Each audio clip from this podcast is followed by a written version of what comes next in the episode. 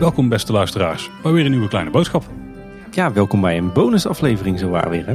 Ja, het is lang geleden wou ik zeggen, maar dat valt eigenlijk wel mee. Nee, we zijn tegenwoordig wat, uh, wat beter qua frequentie. Maar we hebben weer een uh, speciale aflevering waarin we wat uh, reacties van onze luisteraars behandelen. Deze keer niet op de maandagochtend, want we hebben genoeg stof om te delen op onze reguliere momenten. Maar een keertje een extra aflevering tussendoor. Ja, om jullie een beetje die warme zomer door te helpen. Ja, precies. En ook uh, om een beetje als bedankje voor al die, uh, al die enorme stapels post uh, die we digitaal krijgen na iedere aflevering. Nog steeds niet, niet mee kunnen doen wat we ermee willen doen. Want dan zijn we na iedere twee afleveringen een extra aflevering aan het maken. Maar ja, we willen toch weer wat, wat leuke vragen en reacties uitpikken als blijk van waardering. En ook omdat we het gewoon leuk vinden om ze te behandelen en te beantwoorden. Zullen we meteen induiken? We duiken er meteen in. We kregen een reactie van Marijn van Ginkel. Hoi jongens, ik ben een jongen van 15 jaar en ik vind het heel leuk om naar de Efteling te gaan. Maar ik mis toch nog echt een vette achtbaan zoals een Taron of Black Mamba. Zouden jullie het storend vinden als de Efteling nog een vette, mooie, heftige achtbaan opent? Groeten Marijn. Ik zou dat niet erg vinden.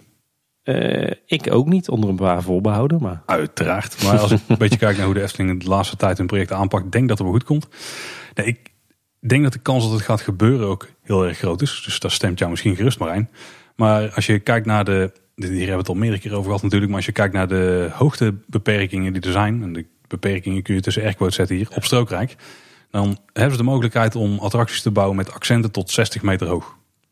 En een achtbaan van 60 meter hoog, ja, dat kan niet heel veel anders zijn dan een, zoals jij omschrijft, vette, mooie, heftige achtbaan. Nou oké, de mooie kan nog steeds tussen quotes, maar in ieder geval een heftige achtbaan.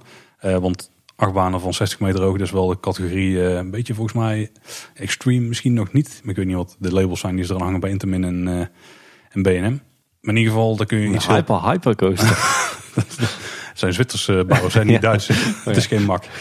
Uh, dus dit kan in ieder geval iets heel moois komen. En de voorwaarden die jij denk al aanhaalt, Tim, is dat hij dan natuurlijk wel thematisch passend moet zijn in een, in iets. In ieder geval. dat was eigenlijk nog niet eens wat ik wilde zeggen. Oh, daar ben ik wel benieuwd. Nee.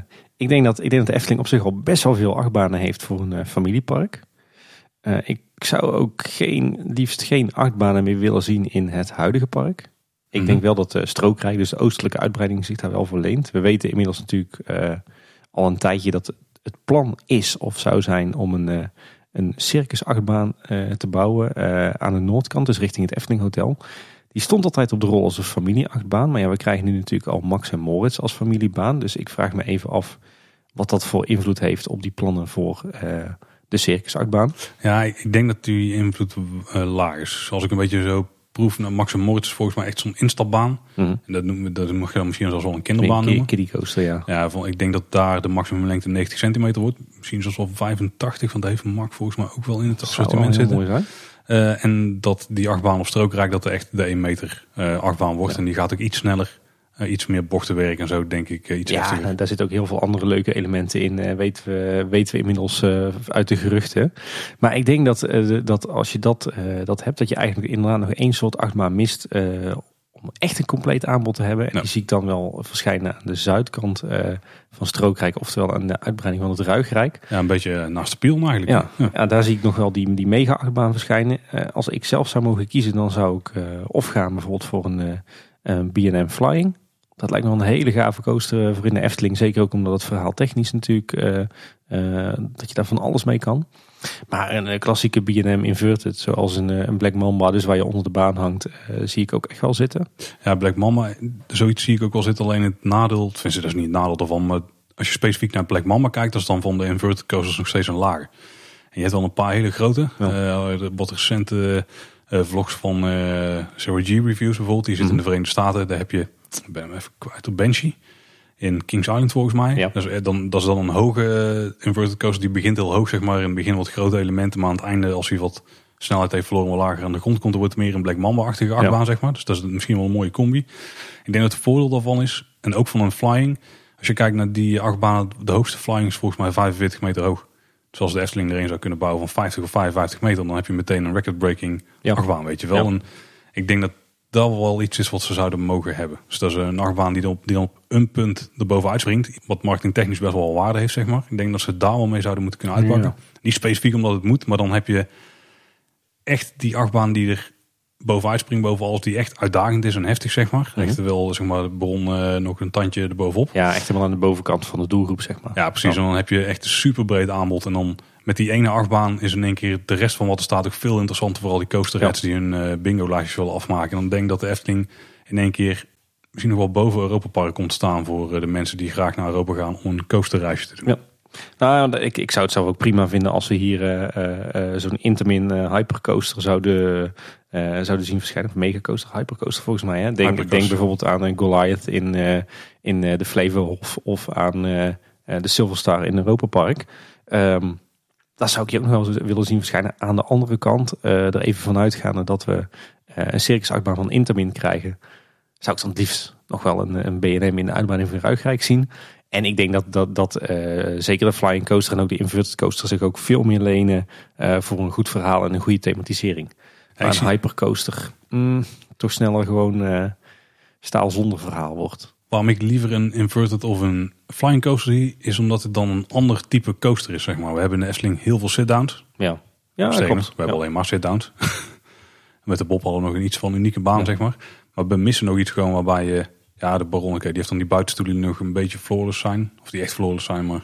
Weet je wel, je zit nog steeds gewoon op de baan. En ik denk dat ze juist eh, andersom eh, iets doen. Dus met de rails boven de waagjes. Dat dat dan wel het uniek maakt. En dat met vliegen thematisch wel makkelijker. Wat ook een groot voordeel is van BNM. Is dat die veel ervaring hebben met dubbele stations. Ja. Eh, met een wissel erin. En die zijn volgens mij heel erg robuust gewoon. Dus daar zie ik ook nog wel zitten. Dus iets groots van BNM's. Ik ben wel voor. Ja. Nou, inderdaad, een mooie flying coaster van eh, bij, bij het Nieuwe Ruigrijk. die familie achtbaan van Intermin met het circus thema eh, in het noorden. Zet er nog een droptorentje bij. Eh, een mooi ge- zwaar gethematiseerde lokvloem. En eh, nou, en een dark ride nog ergens. hè. ja, precies, krijg je erbij. En, Speeltuintje en dan het bouwen, eh, rond erop. waterspeeltuin. Ja, precies. Je, je, je zult ons niet meer eh, horen klagen dan. Nee, maar ik denk dat we wel nog een jaar of eh, tien verder zijn voordat we er zijn. Maak er eh, twintig van, Paul. Ja, ik denk dat ze eerst nog aan de andere kant wat dingen doen. Nou, ik denk dat er wel een paar jaartjes tussen zitten voordat het helemaal eh, gereed is. Dus uh, Marijn, om het even samen te vatten. Ja, kom Ja. met die dikke achtbanen. Ja. Jens de Vries die, uh, had een uh, hele bonnige vraag. Nou ja, hij had eigenlijk zelfs een idee voor, uh, voor een aflevering. Maar we hebben hem toch maar tot, uh, tot vraag uh, teruggebracht. Hè? Ja, ik weet niet of hem... Misschien is het een voorlopig antwoord. We gaan eens even onderzoeken. Ja. Hoe houdt de Efteling het park schoon? Meen een Bessem. En mijn oogdrukreiniger. nee, op zich uh, een hele interessante vraag die, uh, die ik uh, niet zo snel had, had, had zien aankomen. ik kan er wel wat over vertellen, maar dat is dan gebaseerd op mijn ervaring zelf toen ik in de Efteling werkte. Van vroeger? Van vroeger. ik denk dat je een paar categorieën moet opknippen. Vier stuks volgens mij. Maar luisteraars, corrigeer me als ik het fout heb. Um, eerst even de, de, de, de, de kleine uitzonderingen. Als je naar de, de hotelkamers en de huisjes kijkt uh, van het Efteling Hotel, uh, Bosrijk en het Loonse Land. Uh, dan heeft de Efteling daar een extern bedrijf voor ingehuurd. CSU is dat, die doen dat al jaren. En die, die maken eigenlijk ja, alle huisjes en hotelkamers schoon. Het, het Hotel had vroeger wel eigen, eigen schoonmakers in dienst. Dus bij de Efteling intern gewoon. Maar tegenwoordig is dat ja, als één geheel aanbesteed. Volgens mij ook samen met de schoonmaak van, van de kantoren van de Efteling. Dus dat gaat extern.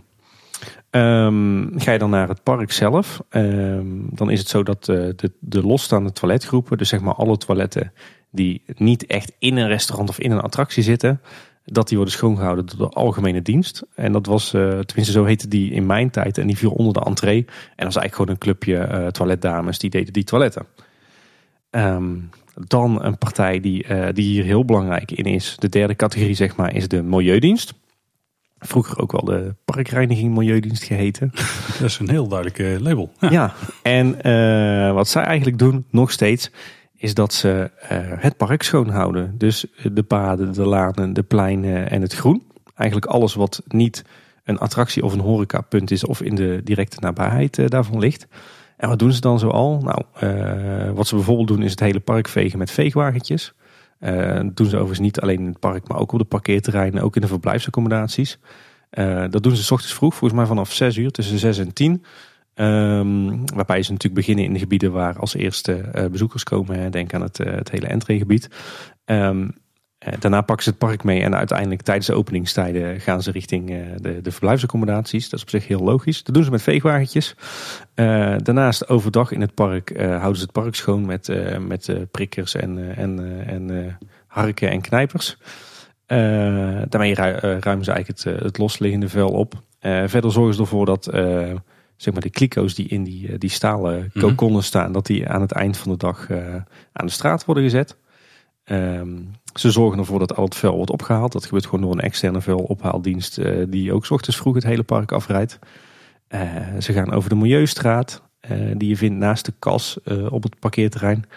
Um, ja, en ze beheersen een beetje al die afvalstromen. Hè? Dus dat is, dat is een beetje wat de Milieudienst doet. Dus die doet eigenlijk de, ja, het schoonhouden van het park. Op sommige punten spuiten ze ook de, de straat af zo, toch? Want ik, bij Disney valt me altijd op dat ze daar volgens mij heel het park gewoon, gewoon spuiten aan het eind van de dag. precies. Maar bij de Efteling doen ze ook op een aantal punten voor mijn gevoel. Ik kon er wel nee. dat, het een droge dag is en dat het dan een asfalt uh, pad gewoon helemaal schoon is gespoten. Dat, volgens mij gebeurt dat niet echt standaard of zo. Nee, nee, ik kan me niet voorstellen dat het standaard is, maar het valt me op dat het af en toe wel het geval is. Of zou er iemand zijn beker hebben laten vallen? Zonder, zonder een heel grote beker. ja, precies. Is mij in ieder geval weinig over bekend. Uh, het meeste wat er met de hoge drugspuit gebeurt in de Efteling is toch vooral onderdeel van de, het onderhoud, zeg maar.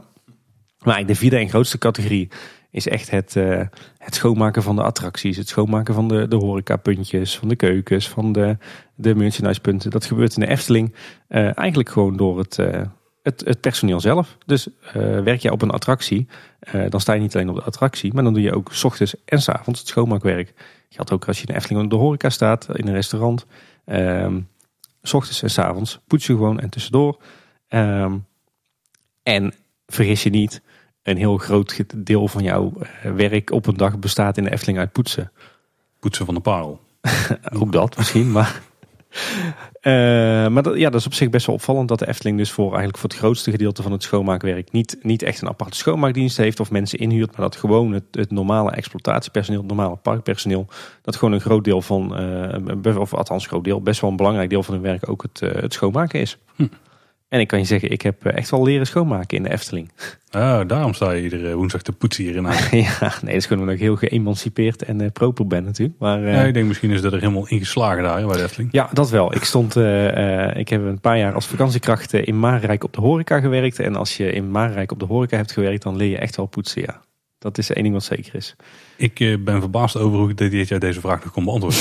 ik denk dat je in bijna, losstaande, bijna losstaande aflevering. Eh, Als je hem losknipt, dan eh, heb je daar je aflevering. we kregen een mail van Marijke. Hoi Paul en Tim. Ik luister trouwens sinds een van de eerste afleveringen naar Kleine Boodschap. Jullie discussie in de afgelopen reactiesaflevering zet me aan het denken. Waardoor ik voor het eerst ook een keer een vraag jullie wil voorleggen.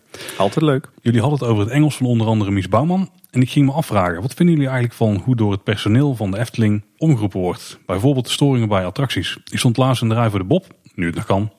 En die kreeg helaas een technische storing. De jongen riep echter duidelijk om dat er een technisch probleem was en dat ze zo snel mogelijk weer verder wilden gaan. En vervolgens ging hij daar nog eens in perfect Engels achteraan. Ook de omroep voor de doderdenking in Symbolica die laatst op internet verscheen vond ik erg goed. Heel netjes. Er staat tegenover dat ik soms in de rij heb gestaan en dat er een omroepbericht wordt afgerateld waar echt geen chocola van te maken viel. Altijd een beetje jammer, want staat de attractie stil of vroegen ze alleen maar om een sigaret uit te maken. Hoe dan ook, hoe ervaren jullie dit? Hebben jullie leuke en interessante ervaringen mee? Dankjewel en ga vooral zo door. Marijke. Heb jij ervaring mee Tim? Ja, nou ja, ik denk zelf, uh, je ziet nu een trend bij de Efteling, ook bij andere pretparken, dat steeds meer omroep wordt uh, geautomatiseerd. Hè, in de zin dat het gewoon een keuzemenu wordt en uh, dat het van tevoren is opgenomen. Dus dat er weinig meer door het personeel zelf wordt omgeroepen, is natuurlijk wel een professionaliseringsslag. Aan de andere kant, van mij hoeft dat ook niet per se. Want als een omroep gewoon goed wordt uitgevoerd, dan is daar niks mis mee. Is het soms zelfs nog wel duidelijker en, en effectiever. Ja, het hangt gewoon heel erg af van de persoon die achter de knoppen zit. Hè. Hoe, hoe verstaanbaar is die persoon? Uh, hoe goed eh, beheerst hij of zij de andere talen? Hoe serieus is hij of zij? hoe snel praat hij of zij? Dus daar hangt het heel erg van af. Dat is natuurlijk wel een risico. Maar inderdaad, je hebt mensen in de Efteling die kunnen heel goed omroepen. En dan heb ik dat minstens net zo lief als zo'n geautomatiseerde omroep. Ja, leuke ervaringen. Kijk, ik weet nog wel dat ehm, een aantal jaar geleden dat ook personeel het vaak wel leuk vond om geintjes uit te halen over de omroep. Ik, weet nog dat er uh, bijvoorbeeld in Villa Volta dat, uh, dat iedere keer als het daar een hoofdshow was, dat, uh, dat er dan best wel veel personeel was wat het dan leuk vond om allerlei lollige geintjes uit te halen met, met de collega die daar binnen stond.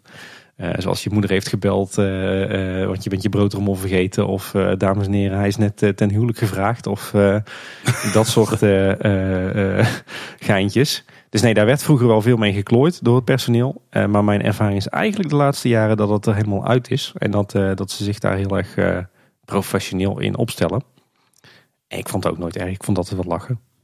Ja, ik denk dat voor het personeel wel leuker is dan voor de mensen die daar komen om betoverd te worden. Maar En voor de vaste bezoeker is het natuurlijk ook wel lachen. Maar eh, ja, ja, ik, ik denk, het is, het- soms ging het ook wel echt over de schreef of ver over de schreef hoor. Dus ja, ik denk uiteindelijk dat ik meer voor de geautomatiseerde variant ben. Ook omdat je daar meer mee kunt doen. Kijk naar Carnaval Festival, weet je wel. Daar hebben ze in principe een hele suffe omroep. Die was al geautomatiseerd, maar die hebben ze omgetoverd tot iets leuks. Ja. En daar zou je in principe wel op meer plekken kunnen doen. Maar de reden dat het, me dat het vooral mijn voorkeur heeft, is mijn ervaring niet in de Efteling, maar in Disney. Want ik was in eh, Disneyland Parijs en daar viel het me op dat Mesdames et messieurs, et vous les enfants. ja, nou was het maar zo. Dat gewoon die mensen daar bij een willekeurige attractie iedere keer, hè, iedere keer met het in- en uitstappen gewoon door die microfoon begonnen te schreeuwen. En ik heb het geen idee wat, want ik kon er geen touw aan vastknopen. En dat was niet alleen omdat mijn Frans dan eh, zeer slecht is. Maar ook gewoon omdat die mensen, die, ik weet niet, die eten die microfoon op en dan praten ze of zo. Ja, Ik heb ja, geen idee ik herken dat wel. Volgens mij roepen ze dan iets. Je hebt dat in Duitse parken ook. Dat ze bij ieder treintje eh, omroepen. Achtung, weer staten. Waarschijnlijk is dat dan zoiets, maar dan in het Frans of zo. Ja, maar het was langer. Ook Oh. sowieso eh, meer informatie. Misschien is het wel, het blijft maar zitten totdat die theekopjes bijvoorbeeld stilstaan. Of dat het je bootje van Ja. eh It's a Small World echt eh, stil is voordat je uitstapt. Maar waarom automatiseer je dat dan niet, weet je wel? En zet het in speakertjes langs die bootjes. Of eh, dat, dat alleen mensen in die attractie het horen. Echt super storend was het. Dan haalt je echt er gewoon helemaal uit. Ja. En dat is nog een van die punten waarom geautomatiseerd een, een voordeel is.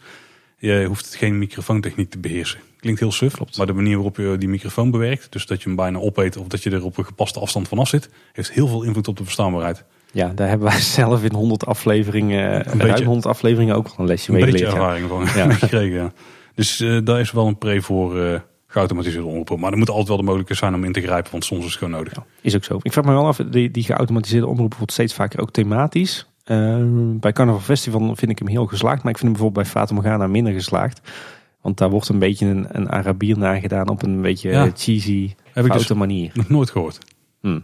Gelukkig heb ik denk ik. Ik, ik eh, vind hem daar op het randje, maar eh, ja, op zich, het, ik, ik volg jou ergens wel, Paul. Ja, we kregen een mail van eh, Danny. Danny uh, Eftelflexen, zoals wij Ja. hem altijd eh, noemen. Dus dat is natuurlijk zelf. Eh Oh, speciaal. was die toverflex, toch? Toen die, ja, eh, tijdelijk. Hè, toen hij in eh Troy ging zitten. Hij mag nooit meer in kleine boodschap verschijnen. Ik ben bang dat het al gaat mislukken. Ha, Paul en Tim. Deze is speciaal voor jou trouwens, Tim. Kleine toevoeging over jullie laatste minuten van de nieuwspodcast. En dan gaan we daar heel snel achter komen waar het over ging. Je had het hier over de harde realiteit van de Tweede Wereldoorlog en dat het wellicht niet past. Vergeet niet dat er in een Disneypark wel eerder op dit thema is ingehaakt en dat er zelfs hakenkruizen waren te zien in Disney. Ik heb gewerkt bij de Indiana Jones Epic Stunt Spectacular in de Disney Hollywood Studios. Dus dat is in eh, Orlando. Heeft Danny in een paar maanden gelopen. En deze show speelt zich af rondom de film Raiders of the Lost Ark. In drie scènes worden stunts achter de film uitgelegd. In de laatste scène komt de bekende vliegtuigscène van de film aan bod. Vergeet niet, de film speelt zich af in een nazi-tijd. En op dit vliegtuig stonden vroeger hakenkruizen, immers refereert het aan de film. Onder andere te zien in een filmpje, die zullen we ook delen in de show notes, kun je die ook checken. Ja. Op dit moment draait al enige tijd een aangepast logo dat niet meer refereert naar dit nazi-logo, maar een vrij algemeen kruis. Blijkbaar toch te gevoelig en te apart. De scène zelf is nog redelijk ongewijzigd en speelt zich nog steeds af in een nazi-tijd. Een ander thema wat wellicht wel mooi zou passen is de vlieggeschiedenis van Nederland met name de Fokker.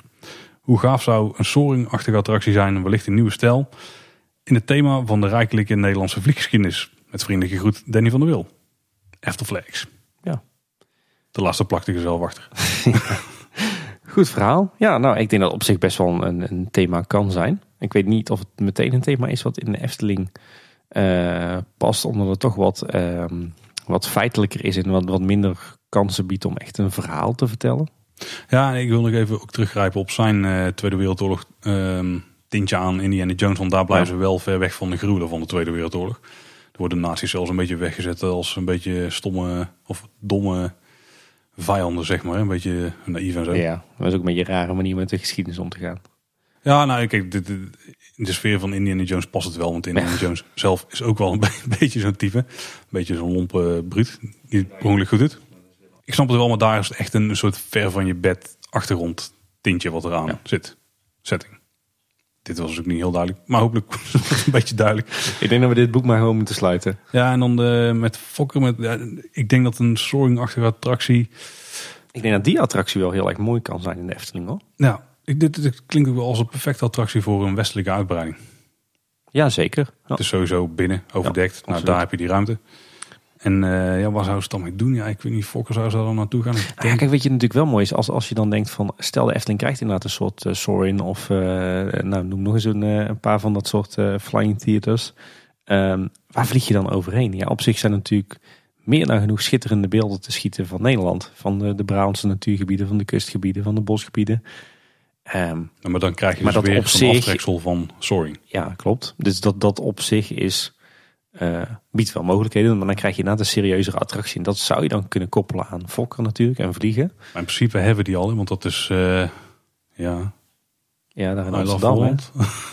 Holland, eh, this is Holland. Oh ja, maar, we zijn goed, goed voorbereid, hè? Ja, maar allemaal het blote hoofdje. Ja, ja, ja. Maar da, da, daar lijkt het dus al heel veel op, Ja. als je het net beschrijft. Dus ik, ik denk dat als de Efteling zoiets zou doen, dat we toch meer moeten zoeken in zo'n flight of passage. Ja, vlucht, vlucht op de heksenbezem. Ja, ik denk niet dat ze die spektakelwaarde kunnen halen. En dat is dan het nadeel als je zelf niet de media produceert. Maar wie weet wat de Aardman samenwerking gaat Ja. doen. Ja. Nou, ik, zie, ik zie dat soort attracties zie ik krijg nog wel de Efteling verschijnen. Maar inderdaad moet je dan misschien eerder denken aan eh, de vlucht van de draak of de vlucht van, eh, Ja. van de heks. eh, meer in die richting, zeg maar. Ja, ik denk dat ze in dat geval niet een eh, klassiek sprookje erbij betrekken. Zeker als het niet in het Sprookjesbos plaatsvindt dan. Daar Oh, wil ze daar ja. toch een beetje houden. Misschien is er nog een of ander Duitse, uh, hoe de dan gaan we toch weer die kant op. Maar Duits eh, jeugdboek over eh, qua jongens die eh, een vliegmachine maken. Ja. Misschien twee Inderdaad. Amerikaanse broeders eh, pakken. Ja, precies. Eh, dan zitten we toch in, eh, in, dat, eh, in die lijn. En dan eh, schrijft Willem van Dijk, schreef ons nog een mailtje. En die zegt, eh, in mijn ogen valt er voor de Efteling ook veel te halen uit dit soort bijbelse verhalen of thema's. Niet al te, le- te letterlijk, maar in grote lijnen. Wat denken jullie? Hmm, we hebben Villa Volta, wat dat natuurlijk een beetje aanraakt. Maar dat is dan niet echt een bijbels verhaal, maar de, Op zich zit er natuurlijk ook in de Vliegende Hollander. En ook een klein beetje misschien in Baron 1898 zit er natuurlijk al wel een beetje dat kerkelijke element. bij de bron vind ik dan lastig om die eruit te halen. Ja, heel, bij de beetje Villa zwaar Holland misschien. snap ik het wel een beetje. Want hij vaart natuurlijk uit eh, voor Pasen. Ja, ik zou, ik, daar zou ik het bij laten. Weet je, als je een, eh, een, een Bijbels themapark eh, wilt zien, eh, die hebben al een, een hele goede in Nederland. Hè? Het Bijbels Openluchtmuseum of Orientalis heet het geloof ik tegenwoordig. Het is op zichzelf wel een museum van zichzelf, omdat het laat zien wat in het begin van de 20e eeuw de kijk was op de, de Bijbelse verhalen. Ehm, maar ik zou niet snel de Bijbelse verhalen in de Efteling uitbeelden. Nee, maar ja, nee, hij zegt ook op grote lijnen. Kijk, wat je wel natuurlijk altijd kunt doen, is dat je een Bijbels verhaal pakt en eh, dat omschrijft naar een verhaal wat zou kunnen passen bij een attractie. Dat- Ja. Maar dan is het niet per se meer een Bijbels verhaal, dan put je meer inspiratie uit die eh verhaallijn. Ja, ik, ik denk op zich zoals het bij Villa Volta en, eh, en Vliegende Hollander is gebeurd, dat het eh, prima is. Dat ook zeker niet storend is. Maar dat past ook wel in die tijdsgeest. Hè. De kerk was toen meer belangrijk. Dat was natuurlijk een plek waar veel rijkdom lag. In het geval van Villa Volta. Ja. Dus eh, daar snap ik het zeker. Maar ik denk dat de Efteling het vooral bij betrekt als het eh, in het verhaal goed past. Ja, ik denk dat het zo doen. manier Ja, inderdaad. We kregen een berichtje van Twitter-gebruiker Onkruid. Mooie username. Soms hoor ik vooral Tim praten over de vacatures en het hebben van vreemde benamingen indelingen sinds de reorganisatie van de onderdelen van de Efteling. Wat is jullie mening over de nieuwe structuur? Is het beter of slechter? En denk je dat je er in de huidige kwaliteit van het park iets van gaat merken? Nee, ik vind die kwaliteit van het park, weet ik niet zeker of we daar iets van gaan merken. Zou het erop vooruit gaan? Uh, jij hebt het er al vooral over, Tim. Wat vind jij ervan? Ja, inderdaad. op zich is het wel een mooie vraag. Want misschien dat ik nu dan eindelijk kan verklaren waarom het mij zo intrigeert. Maar ja, weet je wat is? Ieder bedrijf, iedere organisatie, zeker natuurlijk commerciële bedrijven, eh, die reorganiseren om de havenklap. Omdat het toch weer, het moet efficiënter, het moet kostenefficiënter en eh, het moet logischer en sneller. En nou ja, goed, eh, eh, waar al die, die organisatiebureaus mee schermen. Dat zie je ook in de Efteling. In de Efteling wordt ook geregeld gereorganiseerd om de zoveel jaar. Is ook niet zo gek, want een, een, zeg maar een pretpark, themapark als de Efteling uitbaten op die schaal dan ben je natuurlijk een unicum. Hè. Het is niet zo dat er nou echt een blauwdruk voor is van hoe, je, hoe dat je zo'n bedrijf nou zou moeten organiseren. Uh, de Efteling heeft ook nog eens het, het voordeel of het nadeel dat het uh, extreem goed georganiseerd is. Hè. Dus heel, ze hebben heel veel dingen in eigen huis, heel veel disciplines. Dus ja, hoe organiseer je dat nou? in die zin is begrijpelijk dat de Efteling geregeld reorganiseert. En er is in de basis ook niks mis mee. Zeker aangezien je daar eigenlijk in het park niks van hoort te merken. ik ben de laatste tijd wel in, die, in de meest recente reorganisatie gedoken, die in 2018 heeft plaatsgevonden. En daar gebeuren voor mijn gevoel toch een paar onnodige rare dingen. Nou, moet ik wel bekennen, ik ben geen organisatiewetenschapper. Ik vind het wel heel leuk om naar te kijken en in de gaten te houden. Maar ik, ja, ik heb daar niet zoveel verstand van als al die, uh, die dure bureaus die waarschijnlijk uh, bijvoorbeeld de Efteling hebben geadviseerd. Um, een paar opvallende dingen. Um, de Efteling is nu opgesplitst in vier business units. Eigenlijk een soort mini-bedrijfjes of mini-BV's. Um, park, verblijf, evenementen en golf. En op zich is het natuurlijk prima dat je, dat je dat soort bedrijfsonderdelen in verschillende afdelingen indeelt. Maar door er nu van die mini-bedrijfjes, business units van te maken, denk ik toch dat je een beetje uh, ja, je bedrijf echt separeert in losse bedrijven. Je ziet dat ook dat, uh, dat er nu bijvoorbeeld personeelsblaadjes uitkomen die voor iedere business unit anders zijn. Je ziet dat mensen helemaal niet meer zo makkelijk worden uitgewisseld tussen die losse business units, waar dat voorheen nog wel eens het geval was. En dan denk ik al van ja, je moet toch juist in zo'n bedrijf als de Efteling heel erg dat groepsgevoel hebben. Van we staan met z'n allen voor één bedrijf. En niet we staan voor onze business unit en voor het bedrijf. Nee, ik heb dan toch het gevoel van met z'n allen één bedrijf voor de Efteling. En niet voor Efteling Verblijf of Efteling Park. Maar in hoeverre zijn het echt labeltjes? Want je hebt het net uh, met het schoonmaken van het park over de Milieudienst. Maar die doet het park en die doet de verblijfsaccommodaties. Nou ja, daar wou ik dus even daar wou ik de, verder op terugkomen. Want kijk, weet je wat het is? Op zich is zo'n verdeling uh, is nog werkbaar als het, als het echt gaat om operationeel personeel. Hè? Je kan best wel zeggen van, god, dit zijn de mensen die werken in het park. En dit zijn de mensen die werken in de verblijfsaccommodatie. Um, en, en golf is toch altijd een apart onderdeel geweest. En van evenementen snap je dat ook nog wel. Alhoewel, uh, in tijden dat het rustig in, in het park is, heb je vaak, is het vaak druk qua evenementen. Uh, dus, en andersom. Dus wil je dan toch juist personeel uitwisselen. En ik vraag me even af of dat, dat nu uh, heel makkelijk gaat. Of dat dan de ene business unit aan de andere business unit moet gaan betalen. Maar goed, dat, dat, weet ik niet.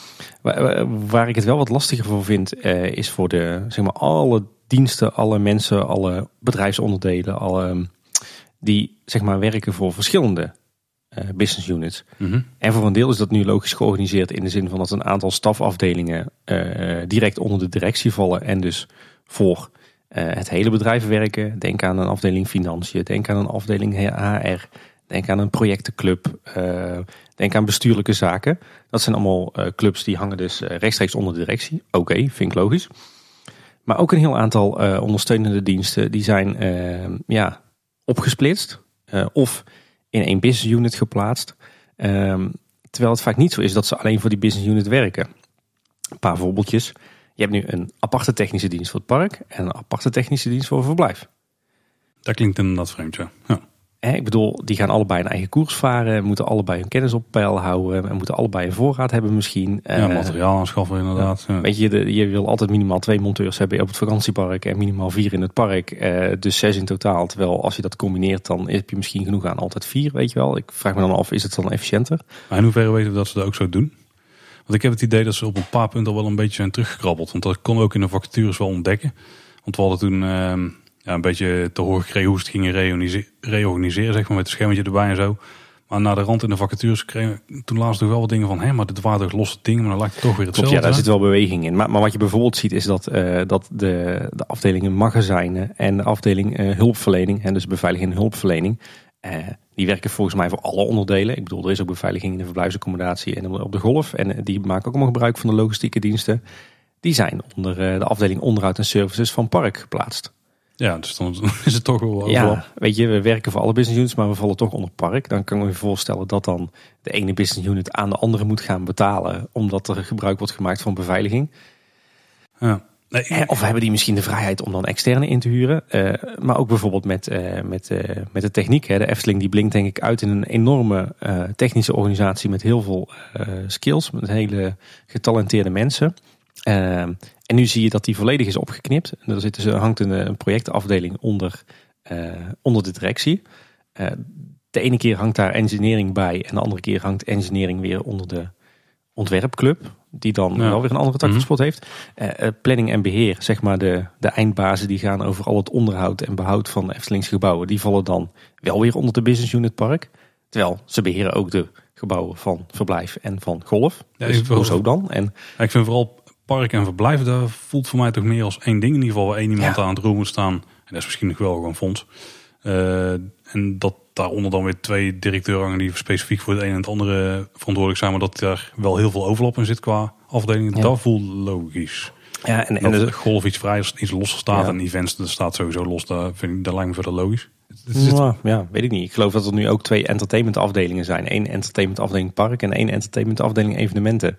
Ja, maar je ziet toch wel dat veel van het entertainment wel gewoon hetzelfde is. Dus als zeg maar een Ja. evenement er is en er moet meer entertainment gehuurd worden, dan is het vaak wel hetzelfde. Of gehuurd. Het zijn ook vaak Ja. interne mensen Hm. denk ik. En er zijn er gewoon meer. Maar Het laatste voorbeeld is de, is de, de, de technische dienst, zeg maar de, de uitvoerende eh, mensen. Die vallen dan ook onder de, de business unit park. Ja, en verblijf dan. De- de- daar zie je nu dat ze vooral externe mensen inhuren, weet je wel. Ik vind dat gewoon eeuwig zonde, want dan denk ik van hou nou eens al je technische creatieve mensen bij elkaar in één grote club. Dan ben je, voor, kan, je, ook logisch, kan je efficiënter werken, behoud je je kennis meer, eh, kunnen mensen eh, meer, meer variëren. Nou ja, goed, eh, dat is mijn visie op het, op het verhaal. Kijk, ik snap dat je, dat je een bepaalde organisatiestructuur wilt aanbrengen. Maar ik zou heel erg plei- pleiten van, hou de expertises gewoon bij elkaar. En de diensten die voor het hele bedrijf werken, laat die gewoon lekker voor het hele bedrijf werken. En daar waar je een logische opsplitsing kan maken. tussen bijvoorbeeld, nou ja goed, je, je werkt of in het park of in verblijf. Maar uiteindelijk is dat gewoon één Efteling. Hè, of je werkt eh, voor de horeca of voor attracties. Kan ik me allemaal voorstellen, maar ga daar nou niet allemaal losse business units van maken. En ga nou niet allemaal met allerlei ondersteunende diensten zitten schuiven tussen business units onderling. Weet je, daar maak je het zo nodeloos complex van. En volgens mij komt het de eenheid van het bedrijf echt niet ten goede. Nee. Maar goed, dit is echt heel erg achter de schermen. Ik heb niet de indruk dat dit nou heel erg veel consequenties voor de schermen heeft. nou, sterker nog, als ik een beetje kijk hoe ze de laatste tijd op orde hebben, dan lijkt het zelfs wel goed te gaan. Ja, volgens mij ook al. Alle projecten die eruit komen, alle toekomstige plannen zo, ziet er gewoon allemaal goed uit. Ja, dat vind, vind ik ook wel. Alleen ja, ik, weet je, ik vind het gewoon eh, interessant om te zien hoe bedrijven georganiseerd zijn. En eh, ja, ik kan er dan wel eens wat van vinden. Dus vandaar dat het vaak eh, voorkomt in onze afleveringen. Alhoewel het meer gewoon een soort van zoektocht is in de vacatures van hoe zit het nou precies? En hoe Ja. evolueert het een beetje? Ja, Ja. dat is gewoon interessant. En als je ervan houdt. We kregen een vraag van Liesbeth. Ik blijf het gevoel hebben dat het volume in de hoofdshow van Villa Volta echt een stuk harder moet. Wat denken jullie, kleine boodschap? Ja, En het geldt niet alleen voor Villa Volta. Het valt me ook op dat bijvoorbeeld bij de Indische Waterlelies het geluid echt super zacht staat op dit moment. bij de Fata Morgana is de ritmuziek zacht eh, op sommige plekken voor mijn gevoel. Bij ehm Carnaval Festival, naar de onderhoudsbeurt, staat het voor mijn gevoel op plekken zachter. Ja, maar dat is het over het algemeen wel goed. Maar bij de Indische Waterlelies, als je de muziek gemist, dan mis je gewoon een heel groot stuk van, Ja. Van de beleving daar. En dat geldt bij Villa Volta ook. Ik vraag me af hoe ze dat doen, want ze hebben natuurlijk attractiechecklists. Maar hebben ze ook een, eh doen ze ook decibelmetingen of zo, van zo hard moet het staan? Want ik kan me voorstellen... Volgens mij is er gewoon met, eh, op, de, zeg maar op de versterkers gewoon met een T-Pex stift een streepje gezet bij hier moet hij ongeveer staan. Maar zou het kunnen zijn dat er dan een, een kanaal kapot is of zo en dat daardoor minder volume alles binnenkomt? En dat er dan niet gecheckt wordt? Ja, of dat er op een moment aan een knop is gedraaid, bewust of onbewust. Ik ik kan me wel verhalen herinneren, maar dat is dan van vroeger. Hè? Dat er dan mensen gewoon eh, zelf aan de knoppen gingen draaien omdat ze te hard Ja. of te zacht vonden staan. En dat dan andere collega's het weer terug moesten draaien. en Zo. Ik kan me niet voorstellen dat dat tegenwoordig nog gebeurt. Ik denk dat ook bij nieuwe attracties kan het ook gewoon niet eens meer. Want dat is allemaal digitaal ingeregeld. En dan moet je de wachtwoorden en zo waarschijnlijk hebben om het te kunnen fixen. Maar het valt wel op. Ja, Ook op dat het op meerdere plekken is. ik denk sowieso wel dat, dat de hoofdshow van Villa Volta wel een, eh, een, een, een revamp of een reboot eh, verdient. Ehm, ik denk dat niet veel van onze luisteraars nog zullen herinneren. Maar de, in eerste instantie de, de, de allereerste Villa Volta, die hoofdshow. Ik weet niet of jij dat nog kan herinneren, Paul. Die, die reageerde, die, die was echt, liep echt synchroon met de muziek. Die trommel, die reageerde ook echt direct op de muziek. De licht, geluid en de beweging van de trommel en de schommel, die waren super strak op elkaar afgesteld. Het geluid stond ook harder, inderdaad, heftiger. Eh, en dat was een veel heftigere beleving dan nu, waarbij je ziet dat, ja, in vergelijking met de oude besturing van de villa, dat die ja, af en toe een beetje naelt of zo. Of dat die dan weer te laat en dan weer te vroeg. En het is een beetje een, een rommeltje lijkt het wel. Dus ik geloof, ik heb ooit gehoord dat het ermee te maken had dat er een nieuwe besturing kwam of een, of een nieuwe hy- hydrauliek. En die kon dan niet eh, direct worden aangestuurd zoals die hydrauliek unit die ervoor zat. Heel technisch verhaal. Dat, eh, ik heb wel nog steeds, als je die, de originele programmering van de Villa Volta kent, dat je bij de huidige programmering denkt van, "Ah, dit is niet wat het kunnen zijn. dus ja, ik denk inderdaad geluid eh, harder, nieuwe speakers, eh, een, eh, een goede besturing op die uh, hydrauliek unit of misschien een andere hydrauliek unit. Ja, we hebben wel geruchten gehoord dat die eraan zou komen. Mm, ja. Maar hoe, in hoeverre hoeverre die we die moeten geloven. Nee, deze Maar ja, ik denk dat, dat de hoofdshow van de Villa Volta wel nog strakker kan. Uh, eigenlijk terug naar vroeger. Noem je het nou de Villa Volta? Dat is wel slecht eigenlijk. Ja, ik weet het niet, het mag wel. Ah, het is niet de untamed, hè? Maar. Nee, dat is waar. de, ik, eigenlijk wil ik gewoon zeggen de villa, maar ja. Ja, dan moet je je zin even... Ja, ik snap ik kan helemaal in beelden, Tim. Joost van Pijbroek die stuurde een berichtje. Hoi mannen van Kleine Boodschap. Recent ontdekte ik dat CNR Music BV alle tiende LP's Sprookjes van de Efteling heeft uitgebracht op Spotify en Apple Music. Het blijkt dat deze er al twee op staan, maar ik had ze nog niet ontdekt. Nou uh, Joost, wij ook niet. Nee. Ieder album bevat vijf hoorspelen van ongeveer 10 minuten. Er zijn zowel de bekende sprookjes, maar ook speciaal voor de Efteling gemaakte verhalen. Misschien eens de moeite om een aflevering over te maken. Of insteek door de Efteling gepubliceerde verhalen, uh, boekserie, film of voorspel die dus niet in het park te vinden zijn. Wat denken jullie hiervan? Ik ben wel benieuwd, want ik heb ze nog niet gecheckt. Interessant. Ik, ik ken de LP's wel. Ik heb er ook een paar, de originele, uh, nooit geluisterd. Ja, op zich interessant denk ik om een aflevering over te maken. Alleen moeten we dan wel echt uh, die LP's geluisterd hebben. Ja, en, en wel andere materiaal ook gecheckt hebben. Ja, precies.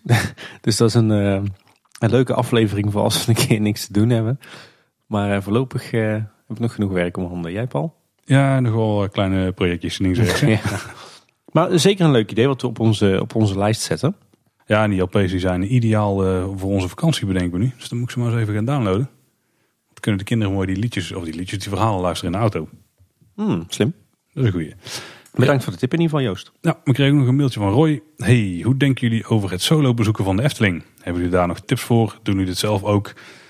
Een tip in deze is de podcast Team Park Hipster, welke bijna volledig op solo trips is gericht, maar dan richting Disney. Ik vind, uh, vind, vind mezelf ook al een teampark hipster. Ja, maar ik vind mezelf niet echt een solo bezoeker. Dat doe ik echt zelden. Ja, ja, ja, ik weet het eigenlijk niet. Ik kan me wel tips inbeelden, maar ik heb ze nooit geverifieerd. Dus ik kan ja. niet daarvoor een foutje, zeg maar. Ik moet zeggen dat ik uh, vroeger, vroeger, ik denk als uh, tiener, begin twintiger misschien ook nog, dat ik soms wel eens alleen naar de Efteling ging. Maar dat was dan echt uit nood geboren, omdat er verder niemand kon en ik toch zin had om naar de Efteling te gaan. En wat mij dan altijd wel hielp is als je dan wel echt een doel had. Dus in die zin van ik wil al het entertainment zien wat er vandaag is. Of ik wil uh, uitgebreide tijd nemen voor alle laafhuisjes. Of ik wil deze en deze foto's maken. Dus als ik dan echt een doel op zich had. Of ik de nieuwe merchandise kopen weet je wel. Dan ging dat nog wel. Maar ik ben uh, ja, zeker de laatste jaren eigenlijk altijd, altijd omringd door mensen. Zeker ook als we naar de Efteling gaan. Ik ben heel slecht in alleen zijn. Dat moet ik heel eerlijk zeggen.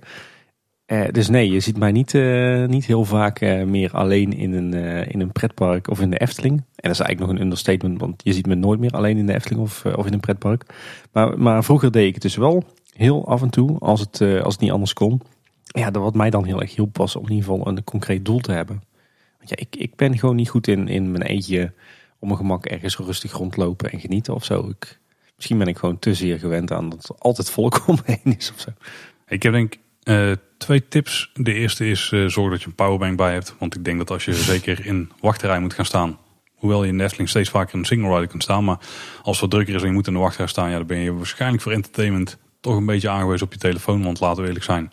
Niet alle wachtrijen in Efteling zijn even inspirerend. In, in de tijd dat ik dan dus nog wel eens sporadisch in mijn eentje ging. Dan had ik nog een Nokia 3210. Dus dat je Snake te spelen. Ja. Was een 3310 of was het 3210? Nee, 3210. Dat is nog ouder dan. Ja. Zo. Um, en de tweede is, ja, onze collega podcast Team Talk, die heeft er wel zo'n uh, een deel van een aflevering aan gewijd. En volgens mij kregen ze die vraag recent ook weer. Dus moet je even terugzoeken in, uh, in hun archief. Ik denk dat het ergens een uh, 20 of zo is. Ergens aflevering 20 tot en met 29 of zo. Ja, wat voor mij trouwens wel altijd eigenlijk het beste werkt, uh, juist het beste werkt als ik alleen ben, is, is, avondfoto's maken. Of eigenlijk sowieso foto's maken. Ja, dat is ook wel Ik merk als je met een grote groep vrienden bent of met je gezin, dan komt er eigenlijk weinig van foto's maken. Anders dan even gauw uh, met, je, met je telefoontje een foto knippen. Als je echt goede foto's wil maken, dan gaat het eigenlijk toch het beste in je eentje. zeker als het, als het donker is, want dan moet je natuurlijk nog meer tijd nemen voor die foto's. Uh, dus ja, ik heb eigenlijk s'avonds wel uh, uh, best nog wel vaak in mijn eentje rondgelopen. Dat is ook alweer jaren geleden hoor. Maar... Ik ben gewoon van plan om een keer gewoon alleen naar de Efteling te gaan om foto's te maken. Ja. Al is het maar zodat we steeds een foto hebben voor onze afleveringen. ja, dat lukt nog steeds niet hè? Nee. Ik heb trouwens nog één laatste tip Tim. En daar zorgen we ervoor dat je telefoon helemaal vol staat met ons archief aan afleveringen. Ja, precies. En check die even tijdens de wachttijd. Ja, overigens n- nog wel leuk. Ik heb, ik heb één keer ook een hele leuke avond gehad in Disneyland Parijs. Ja, het heeft weinig met Efteling te maken. Maar eh, toen waren wij met een groepje met z'n zessen. En eh, de laatste twee uur waren ingegaan. En we hadden er drie in de groep die wilden heel graag nog het Dream zien was dat toen volgens mij. Eh, en dat hoefde voor mij niet zo, eh, zozeer. En twee wilden er heel graag eh, nog zoveel mogelijk ritten Big Thunder Mountain doen. er doorheen knallen. En dat hoefde voor mij ook zozeer niet. En toen heb ik gezegd, weet je, gaan jullie lekker naar Dreams. Gaan jullie lekker naar BTM. Ik pak mijn, spiegelreflexcamera. En ik ga eens lekker donkere foto's maken in Frontierland en Adventureland. In mijn uppie. En langzaam zeker liepen die, die landen leeg, weet je. Want iedereen wilde lekker Dreams kijken of zo. En dan gewoon een stikdonker eh Frontierland en Adventureland. Nou, schitterend. Ik ben uiteindelijk een Eftelinger, maar toen voelde ik toch ook wel even dat Disney gevoel. toen iedereen weg was, toen het niet druk was. Nee, dat was, dat was een, was een eh, echt een schitterende avond. Maar, eh, maar ja, nee, ja. Eh, Roy, je hebt dus niet echt heel veel aan ons op dit punt. Nee, daarbij kun je beter tips bij wat andere podcasts checken. Maar toch wel interessant om misschien een keer wat praktijkervaring op te gaan doen. Ik heb, ik heb ook wel eens, ik weet niet of je dat herkent Paul, dat omdat je altijd bezig bent en altijd met mensen om je heen, dat je af en toe denkt, als je dan eindelijk een keer een avondje voor jezelf alleen hebt, en je krijgt niet die vent op bezoek die met jouw podcast wil opnemen, dat je dan denkt, oh lekker, even een avondje voor mezelf. En dan zit je een half uur en denk je, god was het stil. Echt heel erg irritant. Dat heb ik nooit, want ik heb dan altijd wel een podcast ontedit of zo. Over iets anders. Ja, maar goed. Eh, ja, we zijn niet aan de aflevering specifieke reacties toegekomen. Ook mooi. maar ik denk dat we er wel een end aan gaan breien voor vandaag. Een end aan gaan braaien. Draaien. Eh, dus heb je zelf nog reacties eh, of vragen of toevoegingen of wil je gewoon iets weten, iets, heb je een vraag, dan kun je die op heel verschillende manieren naar ons toesturen en we lezen ze allemaal, we reageren op heel veel dingen direct en als we denken van deze gaan we later behandelen dan misschien niet, dus dat is een lichte hint van welke we wel en niet aanpakken. Eh, maar als je via Twitter reageert of een vraag stelt, dan reageren we eigenlijk altijd. Ja. En dat kun je doen via @kboodschap, daar zijn we daar. Eh, we zijn ook eh, bereikbaar via andere sociale media, namelijk Instagram en Facebook. Daar zijn we Kleine Boodschap. En we hebben natuurlijk onze website kleineboodschap.com met een mooi contactformuliertje. Rechtsboven in de hoek vind je dan, eh, ik zit te wijzen, maar daar heb je helemaal niks aan eh, in audio. Dan vind je het kopje contact. Op mobiel moet je hem even zoeken op, onder het hamburgermenuutje. Hey, in. En eh, dan kun je ons een eh, lang bericht sturen, maar je kunt ons ook mailen als je een voice clipje hebt. Dus dat is wel handig. En dat is info.kleineboodschap.com. Inderdaad. Nou, dat was weer voor deze bonusaflevering. Inderdaad. Bedankt voor het luisteren. Tot de volgende keer. En houdoe. Houdoe waar.